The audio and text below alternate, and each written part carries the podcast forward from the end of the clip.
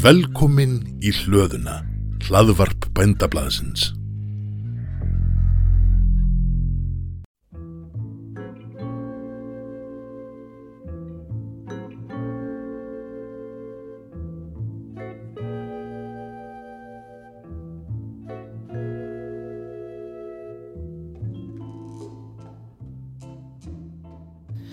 Þetta er þátturinn afstafa. Ég heiti Guðrún Hulda. Hér er til umræðu afstafa stjórnmálaflokkana til hérna ímsu málefna er snerta lambúnað í aðdraðanda alþingiskostninga sem fara fram næstkomandi lögadag 25. september. Hjá mér er fulltrúi vinstri græna. Já, komið í sæl. Bjarki Olsen Gunnarsdóttir heiti ég og skipa ótvitaðsæti í norð-austur kjördami. Hver eru tengslinn við lambúnað? Um, ég á svo sem engin beint tengsl nema ég á góða vini sem að, uh, eru í, í fjárbúskap og í kúabúskap. Það er nú svona kannski helstu tengslinn mín við landbúnaðin og svo þetta bara í gegnum pólitíkina hefur maður þurft að hugsa um þennan malaflokk eins og svo marga aðra. Frábært. Og ég þá bara, hvað okkur spurningarnar? Er það ekki? Markmið bæði bænda og ríkis virðast vera skýr. Að standa vörð um afkomi bænda og tryggja sem hafkomast verð fyrir neytendur. Er þið sammálað þessum markmiðum og hvernig sér þið fyrir þar að unni sig að þeim og ná meiri árangriði en verið hefur? Já, sko það hefur náttúrulega ekki verið skýrt í rauninni hver stefna ríkisins er og þess vegna finnst mér mjög mikilvægt að bara í gær þá kom fram, komið fram drauga stefnu uh, frá uh, landbúnaðar á þeirra uh, sem að bændur geta þá haft áhrif á, hún er komin í samráðskátt stjórnvalda. Ég veit ekki haft tíma til að lesa hana en ég held að það sem mjög mikilvægt fyrsta skref Uh, þar er meðal annars uh, að ég veit uh, talað um að, að við þurfum að draga úr framlýslutengingu stöðnísins en, en aukan hins vegar við bíliskreislur eða fasta búsettu og síðan eru jarðræktastyrkir til stöðnís hverskins akurirkju, fóðuframlýslunar eða, eða manneldis vegna nýrætta túna og auðvitað eldri túna. Að því að við vitum það alveg að bændur þeir gegna mikilvægu hlutverki við fjölbreytt svona landbótarverkefni á, á komandi árum. Ekki síst bara vegna þeirra aðgerða sem að við verðum öll að breyðast við uh, út af loslasbreytingunum og ég held að þetta höfum markmið landbúnaðarstefnunar eigi að vera að nýta sem best og mest landkosti á hverjum stað uh, til þess að búa til verðmættasköpun en um leiðu þetta þess að ganga á landið og mér finnst að stefnan verði líka að skapa uh, rými fyrir svona sveigjanlega framlýslu ferla sem við vitum alveg að geta tekið teki mörg ár. Og stjórnvöld gera þetta ekkert heldur uh, er þetta bara eitthvað sem að bæði bændur og, og uh, afröðstöðarnar verði að, verði að hafa bara vakandi auga yfir með svona að horfa til þarfa markaðarins, markaðarins og, og, og svona leitast við að haga framlýslusinni svona í takt við þær breytingar sem eiga, eiga sér stað og eftirspurnina eftir bara vörunni. Það er að segja að bara landbúnar þarf að vera sveginlegur, uh, hann þarf að vera fljóttur að laga sig að uh, breyttir hegðun uh, neytendana og ég held að í þessum breyttu áherslum að þá verður við að bara styðja við búsetu í sveitum og því hvaða sko framlýslu greinir stunduð og, og, og leggja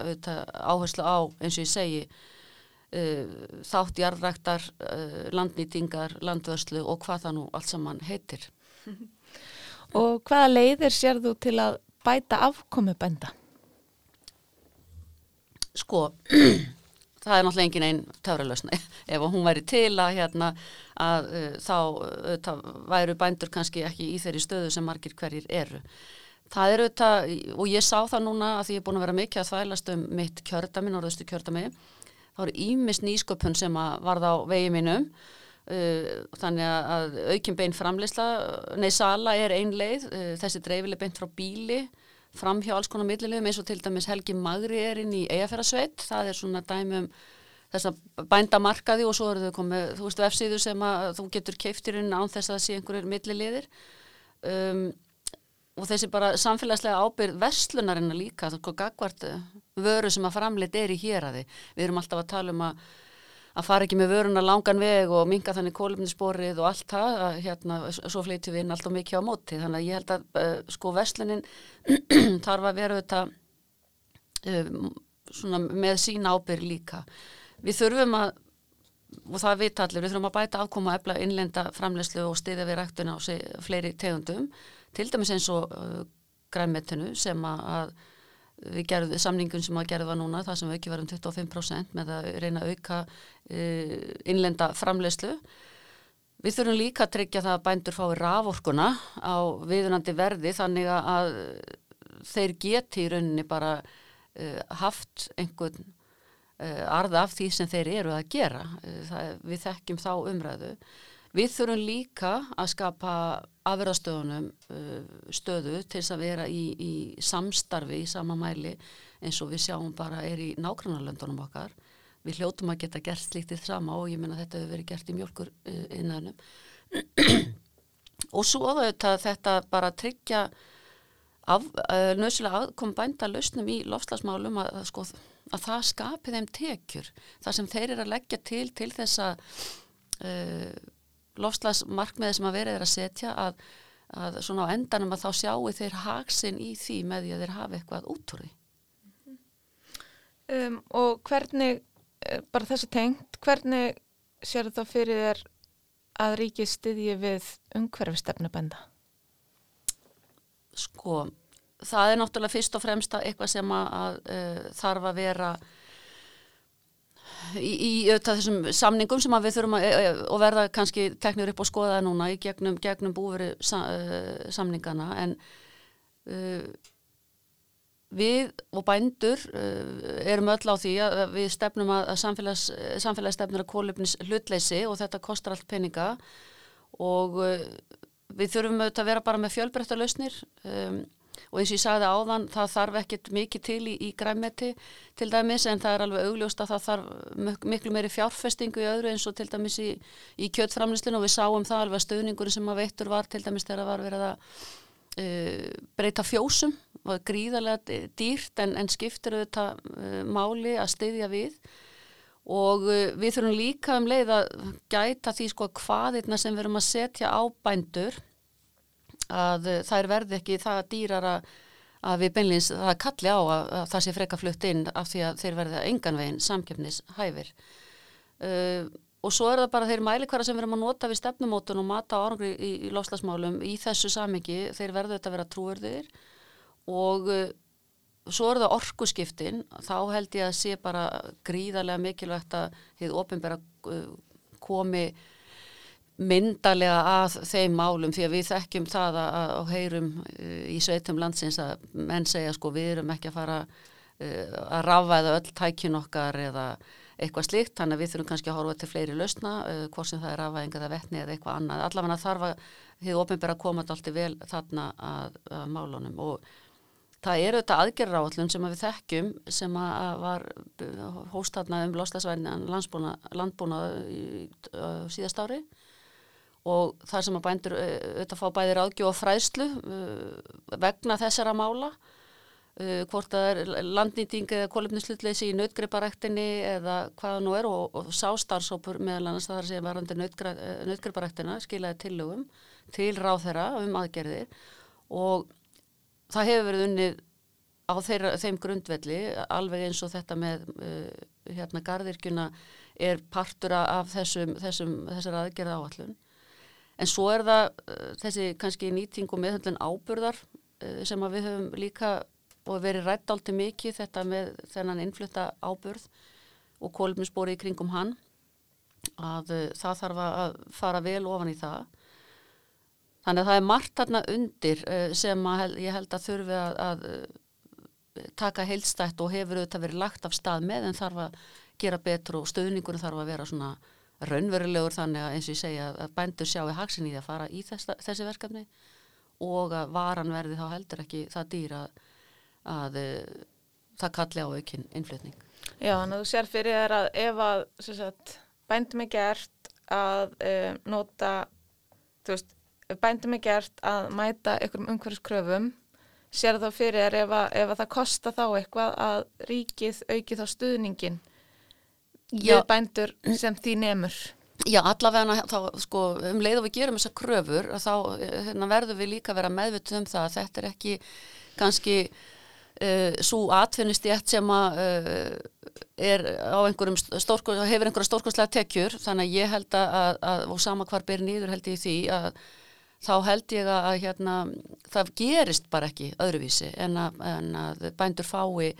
einhvers konar stöðning til þess að komast í gegnum það. Hvernig hún verður svo hátt að verður þetta líka bara að vera samtala á milli uh, bændasamtakana eða uh, þeirra aðeldafélaga og uh, ríkisins. Mm -hmm. um, og hvernig sjáu það fyrir ykkur fyrirkomulag ofinberstuðning til ambúnaðar? Um, sko, það, það er það sem að kannski hefur verið talað alltaf mikið um að það er hérna uh, við erum núna með tollin og þessi beinu framlög sko sem við þurfum að láta spila saman til þess að ná þessum markmiðum sem við viljum ná. Um, og eins og ég sagði áðan sko að þá þurfa kannski framlegin að vera bæði uh, hugsanlega bæði framleyslu tengt og, og búsetu tengt þau hafa náttúrulega engungu verið með við uh, framleginina þannig að ég held að við þurfum að, að snúa uh, aðeins af þeirri braut. Og við þurfum náttúrulega bara og við vinstir grænu þetta hugsaum alltaf mikið um það bara að, að hvernig við viljum ná þessum árangri og, og hvaða, hvernig er aðgerið sem við erum að leggja til nái þessu markmiði um það um leið og, og sko afkoma bænda batnar. Um,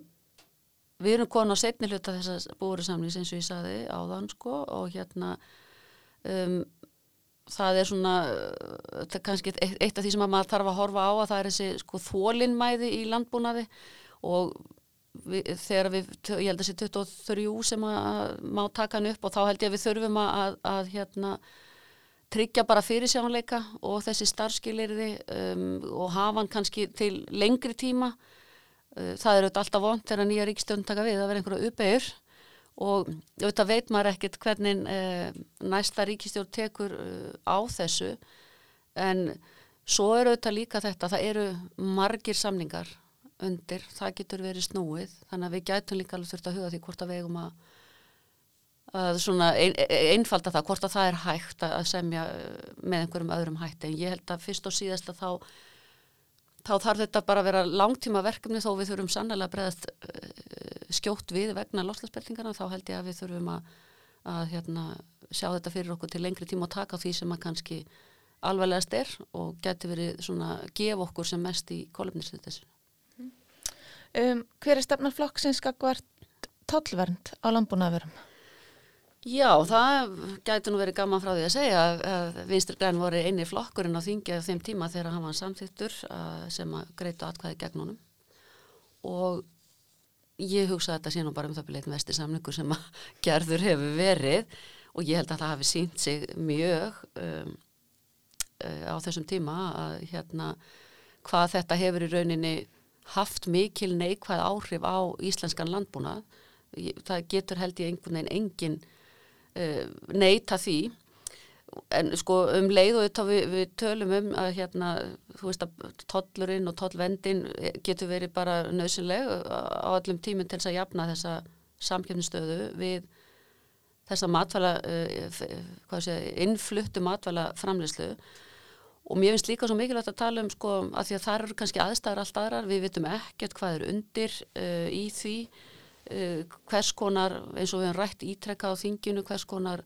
aðbúnaður, livjanótkun og svo framvið sem að, sem að þar er, er uh, og svo þetta kjara starfsfólksin sem að er að vinna í þessum löndum sko. Þannig að mér, það er gríðarlega mikilvægt að við reynum að vinda ofan að þessu og þess vegna held ég að við sko verðum að, halda þess að í þess að tollvend og reyna að gera betur um leið og við erum með annan ofinberan stöðning til að tryggja þessa um, að, aðkomu. Og, og í okkar stefnu þá leggjum við uh, áherslu á að bæta afkomubænda, við viljum efla uh, innlenda matvælafræmislu með þetta fæður ekki að leiða ljósi og uppfylla neysluþörfina á okkar markaði og við höfum sett okkur markmiðum það til dæmis að innlegt græmiti nái 60% markaðum árið 2025 og uh, auðvitað um leið að landbúnaður sé stundar með sjálfbærum hætti með umhverjus og lotlasmála leðaljósi um, en sko til þess að ná þessum markmiðum að þá þurfum við eins og ég segi aftur sko þessi þetta samspil tollvendar beinstöðningsins og eitthvað kvatakerfi sem að teku til í til þessara sjónameða sem við þurfum að hafa að þá er það líka þetta með bara upprunamerkingar og annað slíkt sem að ég hérna held að skipti hér máli. En, en þetta er svona já, í stöttu máli hérna því miður þegar þessu var, var komið á að hálfu þáverandi framsóknarflóks og, og að hluta til núverandi miðflóks sem að vilja nú sverja þetta af sér að þá bara vil ég segja það að ég hérna held að uh, fórsættisra, eða ég held ekki, ég veit að fórsættisráður hefur farið fram á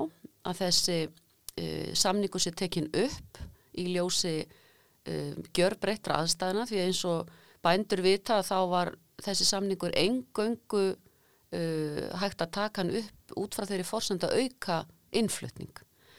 En uh, hún hefur óskað eftir því að það verði uh, skoða með til til þess að Breitland er farið út úr Evrópusambandinu og það eru bara margar aðra fórsöndur sem hafa breyst og við þetta býðum og vonum og sjáum hvort að eitthvað, eitthvað gerist þar því að það er aldrei vond að vera með samning sem að virðist bara ógerlegt að eiga við. Ok, og hvernig myndið vilja sjá hann samning fyrir ykkur? Já sko, ég held að hann verði, það verði nánast að vinda ofan á hann bara, reynilega tilbaka aftur. Uh, ég ætla ekki að halda þið fram að, um, að það verði uh, sko allur innflytningur á matalum stöðverður, alls ekki. En ég held að við eigum að vera með háatotla á uh, innfluttarvörur og uh, ég myndi gætna vilja sjá líka að kolumnisbóri væri sínt á vörunni sem er innflutt og hvaðan hún kemur þó við þekkjum það alveg að, að gætna hefur þetta viðkomi í löndum og fær það stimpla, það er alveg uh, vitað og umrækt þannig að ég held að það þurfi sko,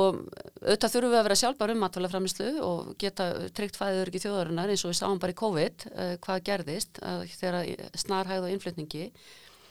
Þannig að ég held að til að byrja með þá verði minnstakosti að reyna að vinda ofan á því þannig að sko meðan að við erum að framlega nóg ofan í okkur að þá verði háir tollar á uh, sambærilegri innfluttri vöru. Ef að við getum á einhvern tímapunkti ekki uh, hvort sem að það er ástíðaskipti eða hvernig það nú er eins og hefur verið til dæmis að þá um leið og við erum að reyna að auka græmitsframleyslu þá ætti að vera lengri tími sem að tollverndin ætti að ná yfir. Þannig að það er svona kannski, já. Mm -hmm. Og hvernig á að tryggja að framleiðsla innlendra og innfluttra matvæla lúti sömu kröfu? Já, þetta er rosalega snúið af því að sko eins og ég var að byrja að segja hérna á þann að þá sko vitum við bara ofta ekkert uppbruna vöruna sem er verið að flytja hérna inn og það eru þetta sko mjög miður að hérna hvernig við eigum að tryggja það að sko við sem erum neytindur og erum að kaupa vöruna við vitum bara sko hvaða hún er. En Uh, það eru bú, uh, það er sagt, þetta búverumerki sem að hér er verið að, að uh, vinna með það sem að þetta með uppbrunamerkinguna er skýrt. Og því að maður sko þegar maður fer út í búð og maður handfjallar einhvern salatpoka eða eitthvað og þú ert alveg bara með pínu litlum stöðum þá sér þú að þetta er sko framleitt í Hollandi en búið þú þetta hérna á Íslandi eða eitthvað slíkt og pakka hugsanlega? Auðvitað þarf þetta bara að vera miklu skýrara. Þannig að, þú sjáir virkilega sko hvaðan þetta er að, að, hérna, að koma. Og svo er það líka bara spurning sko er hægt að gera þær kröfur að innflytjendur bara sanni uh, að uh, sko við hvað aðstæðar var þetta framleitt að þetta komi fram á vörunum? Að því að við þetta höfum ekkert áhrif á það hvernig hvernig þetta er erlendist, þar sé þessi aðbúnaður eða launin eða það eru eitthvað sem við getum ekki haft áhrif á þannig held ég að eina sem við getum haft áhrif á er að gera þessa kröfu um aukna merkingu á vörunni til þess að neytandin hafi þá þetta skýra val. Þannig ég held að, svona já, að því að sko við höfum, kannski það sem hefur vegið hæst í, í hérna umræðinni er þetta varandi síklarlifjanótkun í matalaframlöslu og þar stöndu við svo vel að við og ég trúi því að ef að það eitthvað svona kæmi fram á, á vöru og þú hefðir örlítið kannski dýrari vöru sem er íslensk og þú veist uh, líka nákvæmlega hvað og hvernig hún var framleitt sambarileg var að flutt inn þar sem að kemur fram þetta allt saman eins og sé bæði kólefnisspor og hvaðan hún kemur og, og svona eh, kannski er þetta óvinnandi vegur, ég veit ekki kannski er þetta útopíu en ég held samt að við verðum einhvern veginn að setja þessu skorður því að það er líka óasættanlegt að flytja vöru alveg sko yfir hafið ekki bara með tilhengandi hérna, kólefnisfótspori heldur líka bara Uh, þetta sem að, að alls konar sjúkdómar er að verða í uh, hérna varðandi alls konar neyslu uh, og það gætur nú alveg átt uppröna sinn í því sem að varan inniber sem við erum að flytja inn af því að hún er bara með alls konar livjum og ymsu sem við auðvitað höfum ekki hugmyndum. Áttu upp á alls lag? Já, já, sko ég var náttúrulega mörg upp á slög. Um, ég er rosa mikill bubba aðdándi og það er alveg saga í kringum það sko, af því að hérna, ef ég má nú segja það hana bara. Já, já. að það var þannig að hérna, ég var nú bara táningur þegar ég fór að halda upp á Bubba og hann var alltaf trilltur á þeim árum og hérna þegar að eh, hann þvældist út um allar koppagrundir og fór meðal hans á Rauvarhöfn hvar daldi að minni fjölskyld átti heima á þeim tíma og uh, amma mín var gríðilegur aðdáðandi Bubba. Fór á alla tónleika með honum og svona, svo var hann orðin daldi lúin svo gamla og, og treysti sér ekki tónleika. Og uh, þá kom Bubbi bara heim í eldóstilinnar, var nýbúin að gefa út plötu. Og þar sátu þau bara og drukku kaffe og reyktu fíltesslösan kamel og Bubbi bara söng plötuna fyrir hana og ég hérna, þetta var svo dásanlegt að hérna maður einhvern veginn sko hafi maður einhvern alltaf að hverfa frá aðdáðinsinni að þá einhvern veginn gerðist alveg örgleikki eftir þetta, ég var alltaf bara að stelpa þegar þetta var. Og svo var það svo skemmtild um daginn þegar ég fór á síninguna nýju líf að þá, hér sem að fjallar um hans uh, lífslaup að þá bara í meiri síningunni byrtist Rauðarafna búin og frendi minn og tók lagi stál og nýfur og hans saga var svo að hann var á tónleikum í, í hérna félagsheimilinu Nýtbjörg og Rauðaröfn þegar hann var polli hljóp heim og náði gítarinn sinn og bara buppum að stilla hann þegar tónleikarnir voru búnir. Og hérna hann kent honum gripin á stál og nýfur um leið. Þannig að þetta svona, þetta ítir allt saman undir svona minn áhuga. En ég hérna er daldi romantísk og hérna lægið það er gott að elska finnst mér alveg dásanlegt og hérna ef ég á að velja eitthvað svona með honum sem að kemur svona fyrst upp í huga Það var einn morgun snemma sumas þegar sólinn kíkt inn. Ég satt við gluggan með kaffið var að horfa á heiminum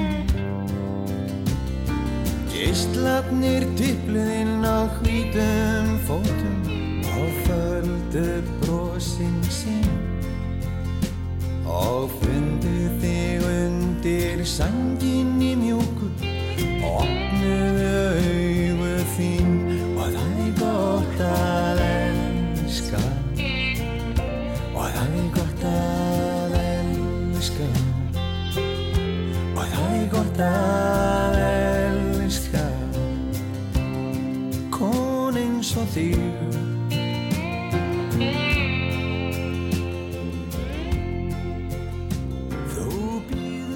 Herðum, aftur á spurningunum. Um, ég veit að þú komst aðeins inn á þetta áðan með landbúnaðastefnuna en kannski þú vilt bæta ykkur við að Já. nýta aðeins. Hvaða áherslur mun flokkurinn beita sér fyrir við mótun landbúnaðastefnu? Já, sko, einmitt við bara, vinstri grann viljum bara leggja áherslu á það þú veist að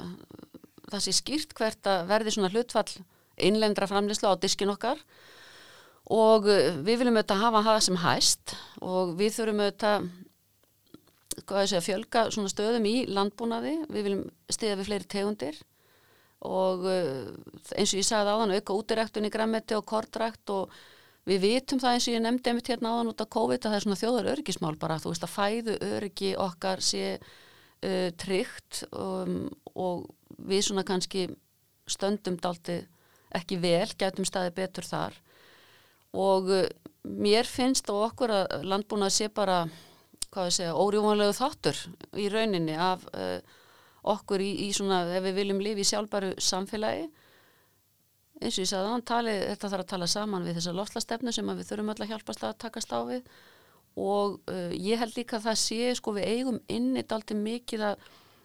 að tækifærum varandi markasetningu og hugsanlega bara b- breyttri landbúnaðastefnu að því ég fór líka já, eða sko bara, já, þessi fjölbreytileiki sem að kannski þarf uh, að því að við þurfum dalti að elda neytendur náttúrulega breytt kannski neysluminstur og annað slíkt. Um leið og við sko aukum þessa verðmættasköpun með nýsköpun í landbúnaði. Og ég fór uh, í Mývasveitun daginn þar sem að uh, er afskaplega skemmtilegt verkefni sem að það er í gangi þar sem að þingaði sveit og skútstaðarheppur slóðu saman um sem heitir nýsköpunni norðri. Og ég var svo heppin að hérna kom akkurat til þeirra þar sem að framöndan á deginum hafi verið að, að hérna opna uh, hafa opið hús það sem var að vera að bjóða upp á smakk og þannig að ég hitti bara fyrir kjöttinamannin þar sem hann var að hantera skrokkin og, og skera niður í alls konar bita því að það er svona þetta þetta viðhorf okkar sko að þetta fari bara hérna sér slátra þarna á haustin og svo fari þetta bara allt í hérna plast og í fristi í súpukjöt eða eitthvað. Þarna var verið að skera já þá bita sem við kannski höfum ekki lært að nota al, hinn almenni neytandi nema bara í eitthvað tiltekki eins og segi súpukjöt eða, eða eitthvað svoleiðis að þarna voru þeir að gera bara svona gúr mei Uh, mat úr þessu og mér fannst það mjög áhugavert. Og það er svona hugsunin eins og ég sagði aðeins á það þetta með að sko búa sér til eitthvað svæði, helga sér eitthvað svæði eins og þarna þingiða síslutnar eða eitthvað svona þar sem að þú ert að fá svona lokal fæðu, þú veist, og ert að bjóða bæði heimamanninum og ferðamanninum upp á slíkt. Um, og vera í staðin fyrir að vera að flytja þetta um langan veg og vera hugsanlega bara með hérna sláturinn einu svona ári eða eitthvað. Þa, það er svona, auðvitað, og ég veit alveg að mörgu þarf að higgja það sko, það er líka dýrt að vera með áfóðurum allt árið og vera kannski koma með öllabræði í janúar eða eitthvað slíkt en, en það þarf samt að, við þurfum samt að hafa sko opin augun fyrir allir þeirri nýsköpun sem að,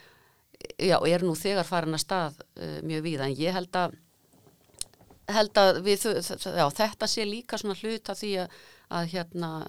og sem að hefur ofinbæra þarf að hjálpa til við að styðja til þess að þetta geta orðaði veruleika að þú getur jafnvel verið með færri skeppnur en ekki minni afkomu, heldur hugsanlega meiri afkomu.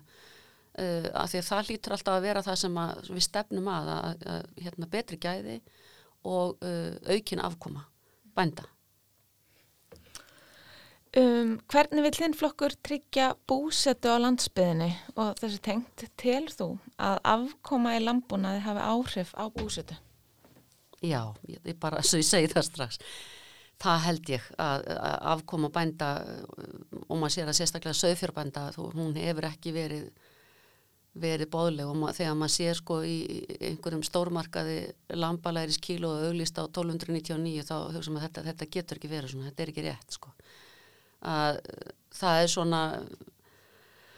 og ítir undir það auðvitað það er ekki bara aðurastöðunar eða millileginir eða eitthvað sem er að taka sko það bara verði til bænda á vörunni er allt og allt og langt og, og það auðvitað hrekur þá kannski til þess um, að hætta störfum fyrir þeir vildu gera. Um, en gæti líka hvað til þess að einhverju leiti að, að hérna fara út í eitthvað annað. En ég þekki alltaf marga bændur í sjálfu sig sem eru sko að vinna fulla vinnu með búskapnum. Og það, auðvitað, það á ekki að vera þannig. Þetta, ekki, þetta er ekkit hobby þegar fólk er að reyna að halda úti e, byggði í, í sveitum. En sko það er bara til þess að tryggja búsetu bara í hennum dreifðu landsbyggðum að þá er það eins og svo allt annað, það er náttúrulega þurfa að vera hérna, greiður og góða samgöngur. Við þurfum auðvitað að hafa eins og allstar annars staðar, gó- þú veist, aðgengja að heilbyrðisnjónustu fjarskiptum og, og hérna og mentun um, og eins og ég hef verið að ræða sko þessa nýsköpuna að því að það eru sprotar út um all land og hérna ég hef nú sagt sko lögheimil á nýsköpun þarf ekki að vera í hundra á einu þannig að mér erst mikilvægt að, að uh, það sé svona þó að það, það sé eitthvað tískorði í þessari kostningabartu þá er það samt svo mikilvægt eins og ég sagði áðan varandi bara þetta dæmi í, í mjögasettinni að hérna það- þú sérð að þetta er hægt en þetta kostar kannski daldi mikið til að byrja með. En við þurfum, við þurfum að hafa allt þetta aðgengi til þess að hérna að, að þú hafi raunverulegan vilja til þess að sko búa til sveita. Að, aðgengi að öllu þessu. Ég mana hérna þegar við vorum að byrja þessu verkefni í Ísland ljóstengt þegar bændur voru að segja frá því að sko þeir voru að senda skýslunar að stað sem þeir þurfti að senda hérna til samtakana að þeir gáttu farið út í fjósa mjólka og meðan þetta var einhvern veginn að sendast og þetta var valla búið þegar þeir kom inn og það er auðvitað ekki bóðlegt og, og sem betur fyrir hefur það breyst en það er samt ekki mörg, er ekki mörg ár síðan að staðan var svona, fjarskiptum voru bara alls ekki bóðleg þegar þú varst komin svona eitthvað til, lengra inn til sveita en ég held að við, já, að það þarf í rauninni allt þetta sem að bæ, bæði í hennu dreifðu byggðum og í, í sveitinni þá, þá, þá þurfum við auðvitað öll bara að finna það við höfum þetta aðgengi eins og hver annar sko í þéttbílinu. Hver að stefna ríkisins að vera með búsetu á ríkisjörðum? Já, um, við höfum nú rætt þetta dálítið um, og sko fyrst og fremst á þetta kannski bara að vera valkostur fyrir fólk ef það, ef það vill uh, búa og hérna það sé hægt sko byggja upp á þeim um, til þess að hægt sé að halda þeim í ábúða því að það er líka þetta sko ef þú átt ekki í jörðina þá er þetta alltaf erfitt, þú hefur ekkit við til þess að kannski taka lán og fjárfesta og, og, og gera eitthvað. Þannig að við þurfum einhvern veginn að huga því að þú getur byggt upp ef þú ert á, á ríkisjörðum. Um, og uh, ég sko vil nú líka meina að jarðamáli sem að uh, fósættisráð þeirra uh, setti fram og ég var nú talsmaður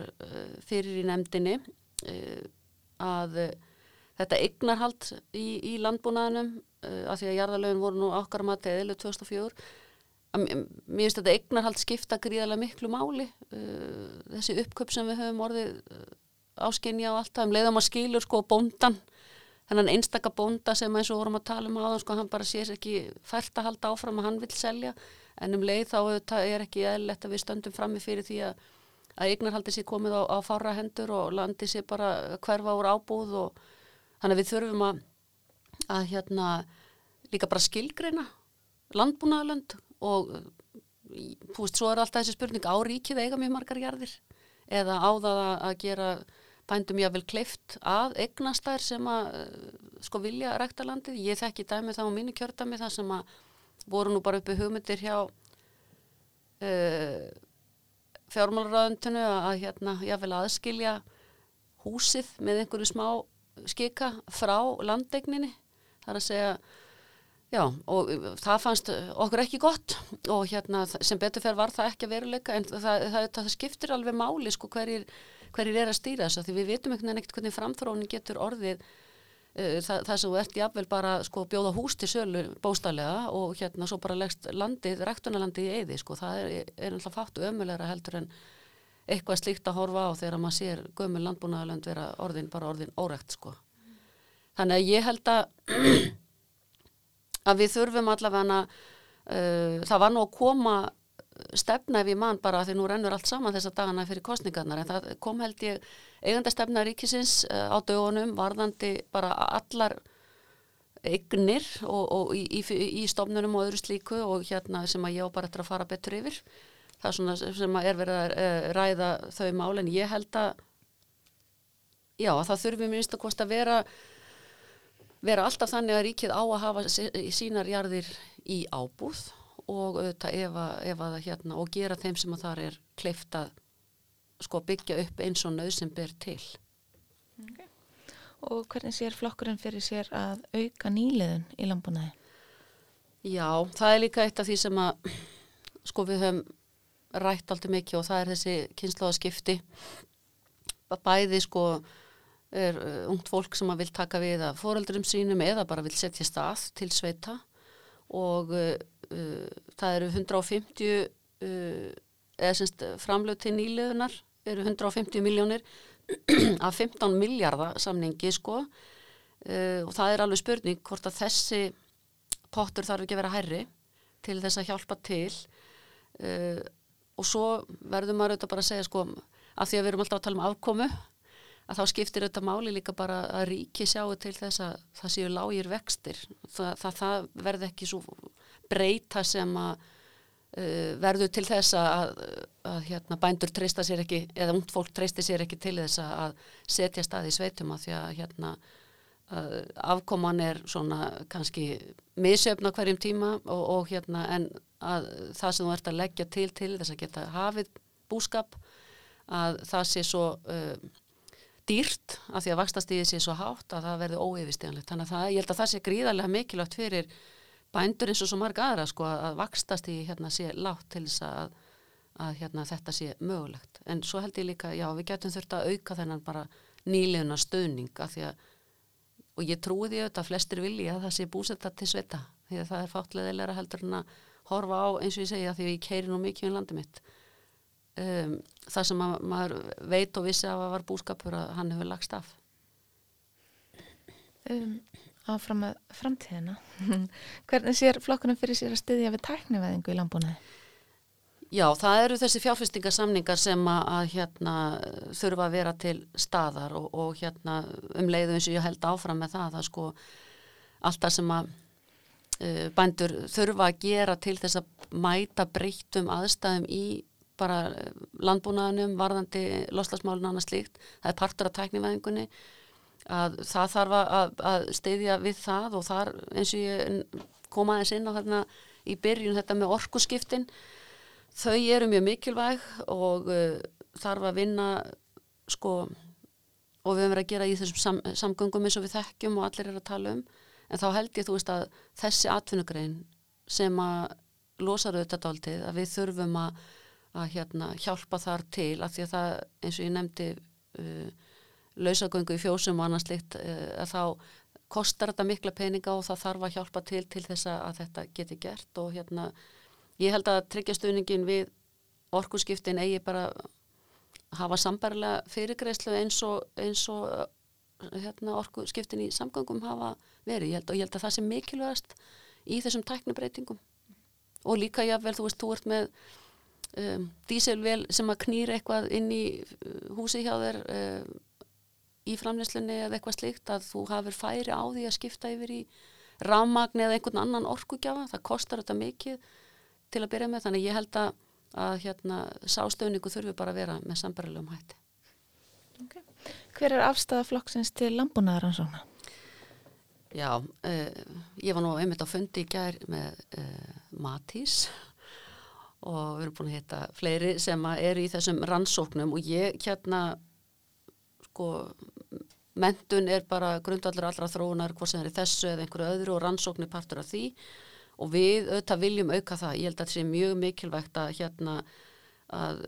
og líka það sko að þessar grunnrannsóknir séu ekki bara fjármagnar úr samkeppni sjóðum, þannig að það þarf einhvern veginn að koma til uh, móts við það. Og það er spurning hvort við ættum að erðnamerkja uh, hérna fyrir í þessum samningum til þess. Að því að mér finnst líka mjög sorglegt að sjá Þetta tala um búverusamningana Búverusamningana, já, já, að því mér finnst líka sorglegt að sjá sko uh, hérna eins og núna riða aftur komin upp í skagaferði og það er opaslega sátt að sjá að fólk þurfi bara